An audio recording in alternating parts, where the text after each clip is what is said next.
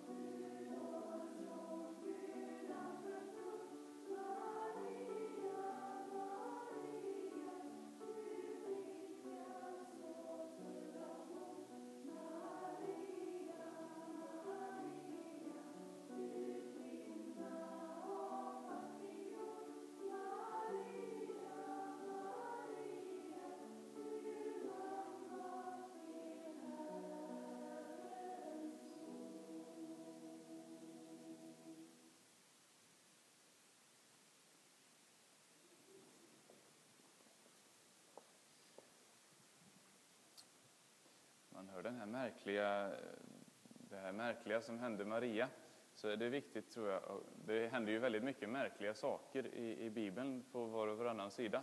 Men jag tror man måste börja med att påminna sig om att Maria hade inte en aning om att hon skulle vara med i Bibeln. Eh, hon levde sitt alldeles vanliga liv, precis som du och jag, och hade inte väntat sig mer än du eller jag skulle göra, att det skulle dyka upp någon ängel och tala till henne. Det fanns liksom inte på kartan. Det var till och med så att hela folket trodde vid den här tiden att Gud hade slutat och, och höra av sig till sitt folk. Man eh, tänkte sig att Gud hade varit tyst sedan den sista profeten talade och nu så hade det varit tyst i flera hundra år. Eh, så hon blir nog mycket förvånad när det plötsligt står en ängel framför henne. Där hon levde sitt vardagliga liv i, i Nasaret. Eh, långt ifrån berömmelse och, och ära och så. I den vanliga vardagen hon satt där och höll på med någonting. Och de första ord som, som sägs på de här, efter de här många, många tysta åren, det är Var hälsad Maria, Herrens benådade. Eh, var inte rädd, eh, du har funnit nåd hos Gud. Eh, och såklart att hon blir rädd, hon skulle inte bli det. Men hon får höra att det ska hon inte vara.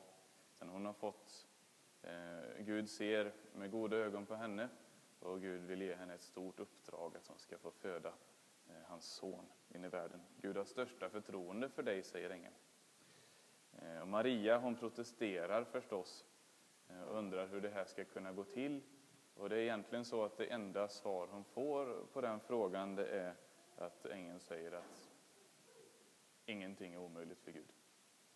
Eh, det finns några tillfällen i, i Bibeln när det händer så stora och märkliga mysterier så att själva bibeltexten är tyst och man inte får veta så mycket om vad det är som egentligen händer. Eh, det ena är på påsknatten när plötsligt Jesu grav står tom på morgonen och man har inte fått veta vad som har hänt för det är på något sätt omöjligt att förstå. Eh, det andra tillfället är det här Ängeln lämnar Maria och nästa gång man eh, stöter på henne så är hon på väg till sin släkting Elisabet och då har hon redan ett liv som växer under hjärtat. Eh, på något sätt i det fördolda där så har ett under skett som är så stort att det inte går att, att uttrycka. Eh, det sägs att det här med jungfrufödseln är något som är ett stort, stort problem för många att, att ta till sig och, och förstå. Och så kanske det kan vara. Jag vet inte. Ehm, men ehm, det är ju å andra sidan så är det så att hur mycket vi än, det är så mycket vi inte förstår, vi människor. Vi ska ju fira dop idag här också och även ifall Elsa hon har börjat sitt liv på alldeles vanligt sätt och kommit in i den här världen och, och det, biologin har fungerat som den brukar fungera och, och, allt sånt där och vi egentligen vet väldigt mycket om hur det går till och så, så är det ändå ofattbart för nyss så var det så att här är en person, ett liv som inte fanns och nu, nu finns hon. Och det kan inte vi förstå. Det finns en, en liten person som har sin personlighet och sina, sina drömmar redan kanske där, där inne. Fast vartifrån kommer, vartifrån kommer vi egentligen? Det finns en sång där man sjunger hälften av mamma och hälften av pappa men ändå helt ifrån vi kommer in i den här världen ur, ur skaparens hand, ur, ur livets, livets källa. Och det kan vi inte förstå. Egentligen lika märkligt som att det överhuvudtaget finns någonting, när det skulle kunna vara så att ingenting finns och, och ingen av oss. Ehm. Med Jesu födelse är det ju ganska speciellt. Ehm. Men man kan, och, och, man kan tycka att det är märkligt, men det, det som är provet liksom som man kan ställa på allting i, i den kristna tron, så finns det ett, ett, under som är ännu större och som vi bygger allt annat på, och det är ju uppståndelsen. Om det är sant att Jesus lämnade graven på den tredje dagens morgon, eh, så är han den han sa att han är. Och är han det, så är han den person där himmel och jord möts. Eh, han är inte vem som helst, han är Marias son, men han är också Guds son. Eh, I episteltexten som vi fick höra, den här från Kolosserbrevet, så fick vi höra att och det kan vara en, en psalm som var gammal redan när, ja, som kanske är skriven något tiotal år efter den kristna kyrkans begynnelse någon gång. Att den, Paulus redan citerar något som är gammalt här, redan på sin tid. Eh, han citerar att han är den osynlige Gudens avbild. Eh, det är den kristna tron att när vi ser på Jesus så får vi mer än, mer än någon annanstans så får vi syn på hurdan, hurdan Gud är. Vill vi veta hurdan Gud är så ska vi se på Jesus. För sån, sån är Gud. Och det är väldigt goda nyheter. För vi har ofta föreställningar kanske om att Gud är ganska oengagerad i våra liv, ganska ointresserad av oss. Eh, men här har vi, möter vi något annat. Det är en, en Gud som inte nöjer sig med att eh, skriva brev till mänskligheten lite så slarvigt på avstånd, utan han kommer själv, utsätter sig för allt det här jobbiga som det också innebär att vara människa. Eh, och visar oss livets väg. Han är så engagerad att han blir människa för vår skull. Och så säger han att hellre dör jag än låter dig fortsätta gå vilse i livet. Jag vill visa dig vägen. Eh, så på ett sätt så är vi som Maria allihop, även ifall Maria förstås eh, har ett väldigt speciellt eh, livsöde och ett speciellt liv. Men det var så för henne att Gud talade till henne genom ängeln och sen förändrade hennes liv. Det började hänga ihop väldigt mycket med, med, med Kristus. Och så är det nog för oss också. Gud talar till oss också på eh, ja, tusentals olika sätt kanske. Ehm, till Maria så sa han, var inte rädd, du högt benådade. Du har funnit nåd hos Gud. Och han säger något ganska liknande till oss allihop. En del fler än man tror eh, har eh, erfarenheter åt det hållet. Att man, man eh, levde sitt liv och var bergfast övertygad om att det finns ingen Gud. Men så plötsligt så blev man istället övertygad om att det finns en Gud. Det finns någon, som, finns någon där. Eh, och det kan vara en, en erfarenhet som många bär på. Eh, men även om man inte gör det så får man räkna med att det här, det gäller också för mig. För om inte annat så är det som snart i, när vi ska ha dop för Elsa här så, så, får, så i samband med dopet så sägs det att jag är med dig alla dagar till tidens slut. Det är det löfte som har sagts till var och en av oss eh, vid dopfunten en gång. Ett tilltal just till dig och mig och också något som som vi får lita på och som gäller. Eh, när Gud talar till oss så börjar trons låga. Eh, Kristus börjar finnas där någonstans inne i hjärtats mörker. Eh, och det kanske tar lång tid innan vi ens förstår det själva eller märker det själva eller så. Eh, och ännu längre tid innan någon annan anar det kanske. Men det kan ändå vara så. Att någonstans där inne så sker, sker undret i oss också. Att Gud trots allt verkar i våra liv, fast osynligt. Eh, och där börjar vår vandring med Gud. Den får börja vid dopet och sen får den börja om och börja om och börja om. För det här med att, att Gud vill oss någonting, det är något som vi får ta till oss många gånger innan det sjunker in. Och så att vi verkligen förstår det. Jag kan, jag kan räkna med Gud, jag står inte ensam i livet. Ehm, och Maria hon får ett stort uppdrag och det är förstås kanske inget som man kan identifiera sig med, eller så är det det. Ehm, vi har alla ett uppdrag, eller vi har många uppdrag. Vi ställs inför situationer där vi kan göra skillnad för vår nästa. Det uppdrag som vi har som människor, det kan se väldigt olika ut, men det har alltid på något sätt att göra med detta att älska sin nästa. Att eh, ta hand om sin nästa. Eh, och så har vi våra gåvor och talanger och så som vi får använda på kloka sätt för att, eh, för att göra det. Eh, och det kan se väldigt olika ut vad, vi, vad, vi, vad det betyder för oss. Och det kan krävas mycket mod för att vi ska verkligen göra det också, precis som det var för Maria. Men ofta så vet vi vad vi kan göra för, för varandra. Man ska inte låta sig luras av att det verkar vara så stora saker det handlar om med Maria. För att även ifall hon skulle liksom föda och uppfostra Guds son så uppfattar hon det nog så som att största delen av tiden så höll hon på att eh, eh, byta blöjor och ta hand om sjuka barn och eh, lära ut, öva läxor och allt möjligt, praktiska, vardagliga saker, sånt som hör det vanliga livet till. Eh, och så är det nog med det vi har att göra för vår nästa också. Att det kanske inte ser så förfärligt andligt ut eller så märkvärdigt ut, det är ganska enkla saker, men det är just du som kan göra dem. Det är just ditt uppdrag, det är du som har den. När det kommer an på dig så gäller det att, att det också sker. Då behöver vi mod. Ehm. Det finns en berättelse om eh, tre män, som man kom till, någon som kom till en eh, byggarbetsplats så här och så, eh, och så eh, var det någon som undrade vad som hände så han gick fram till den första och frågade vad, vad gör du för någonting? Och så sa den här som satt där att jag hugger sten, så är det väl så. Eh, och så gick han till nästa som också höll på med någonting och, eh, och, och frågade vad, vad gör du för någonting? Så här, jag, jag slår tegel. Och så kom han till en tredje och frågade vad är det du håller på med?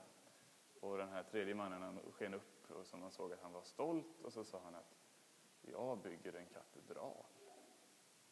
Eh, så det kommer an på hur man, hur, man, hur man ser på de här enkla sakerna man gör också. De kan vara mer betydelsefulla än man kan tro. Eh, den här kyrkan till exempel, den tog sin rundliga tid att bygga kan man tänka sig. Det var inte säkert att de som var med och la första stenen fick vara med och se när den sista sattes in där. Det tog lång tid att bygga stora kyrkor på, på den tiden.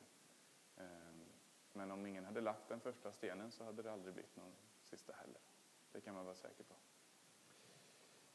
Eh, sen kan man tänka på Maria, att om hon, om hon nu är som du och jag så gick hon därifrån och hade träffat ängeln och, och tyckte att det här var det var ja, en enastående upplevelse och sen ungefär två dagar senare så började hon tänka att jag kanske har drömt alltihop. Det här, sånt händer ju inte och skulle det hända mig och sådär. Ehm, visserligen så, så har det på något sätt redan hänt ett under då och det ska visa sig med tiden att hon har ett barn i, i livmodern och så men det kanske inte märks på en gång sånt där. Ehm, det kanske verkar så väldigt eh, overkligt och så kan det vara för oss också med vår tro. Man kan, det är svårt att liksom, eh, eh hålla, den, hålla den vid liv, hålla liv i det, man, i det man har en gång anat och förstått, hålla liv i sin, sin längtan efter Gud och så. Ehm, då är det intressant tycker jag att det ängeln gör är att han eh, hänvisar Maria vidare och säger att du har ju en släkting också som heter Elisabet. Och eh, henne var det ingen som trodde att hon kunde få något barn, men hon har, ska få ett barn nu fast hon är gammal och fast alla sa att det var helt omöjligt. Så du får gå och träffa henne. Lite som att ängeln vill säga att du ska veta att eh, Gud handlar i många människors liv. Du får gå och titta på din släkting här och så ska du se att Gud handlar faktiskt i hennes liv också. Och så kanske du finner ny, ny, nytt mod för din, eh, för din tro på samma gång och så får ni liksom bygga upp varandra och ha varandra. Ehm, och ängeln kommer också att gå vidare och prata med Josef strax efter och förklara att han ska, hålla, han ska fortsätta att ta hand om Maria fast att hon har blivit med barn och så. Eh, för Maria hon måste inte stå ensam med det här lilla som hon har, som hon har fått tag och fått ansvar för. Eh, det är aldrig en eh, kristen tanke att vi ska stå ensamma, utan vi får ha varandra. Det blir nästan som en liten, liten församling runt Jesusbarnet där på en gång innan han ens är, är född. Tro är ingen ensam grej, vi behöver dela det med varandra. Man behöver få, ja, man kan till exempel avsätta tid för den och komma på eh, gudstjänst och så, så får vi samlas kring den tillsammans här. Eh. Men vi får, framför allt får vi tänka för att säga något till sist. Att de ord som ängeln säger till Maria, de kunde ängeln lika gärna säga till dig eller mig och de får vi ta till oss. Eh, var inte rädd. Eh, du är Guds älskade och Gud vill vara med i ditt liv och vill handla i ditt liv. Eh, och så får vi försöka svara som Maria dag för dag. Jag är Herrens tjänarinna. Jag är din och jag litar på dig. Du får komma in i mitt liv och verka där.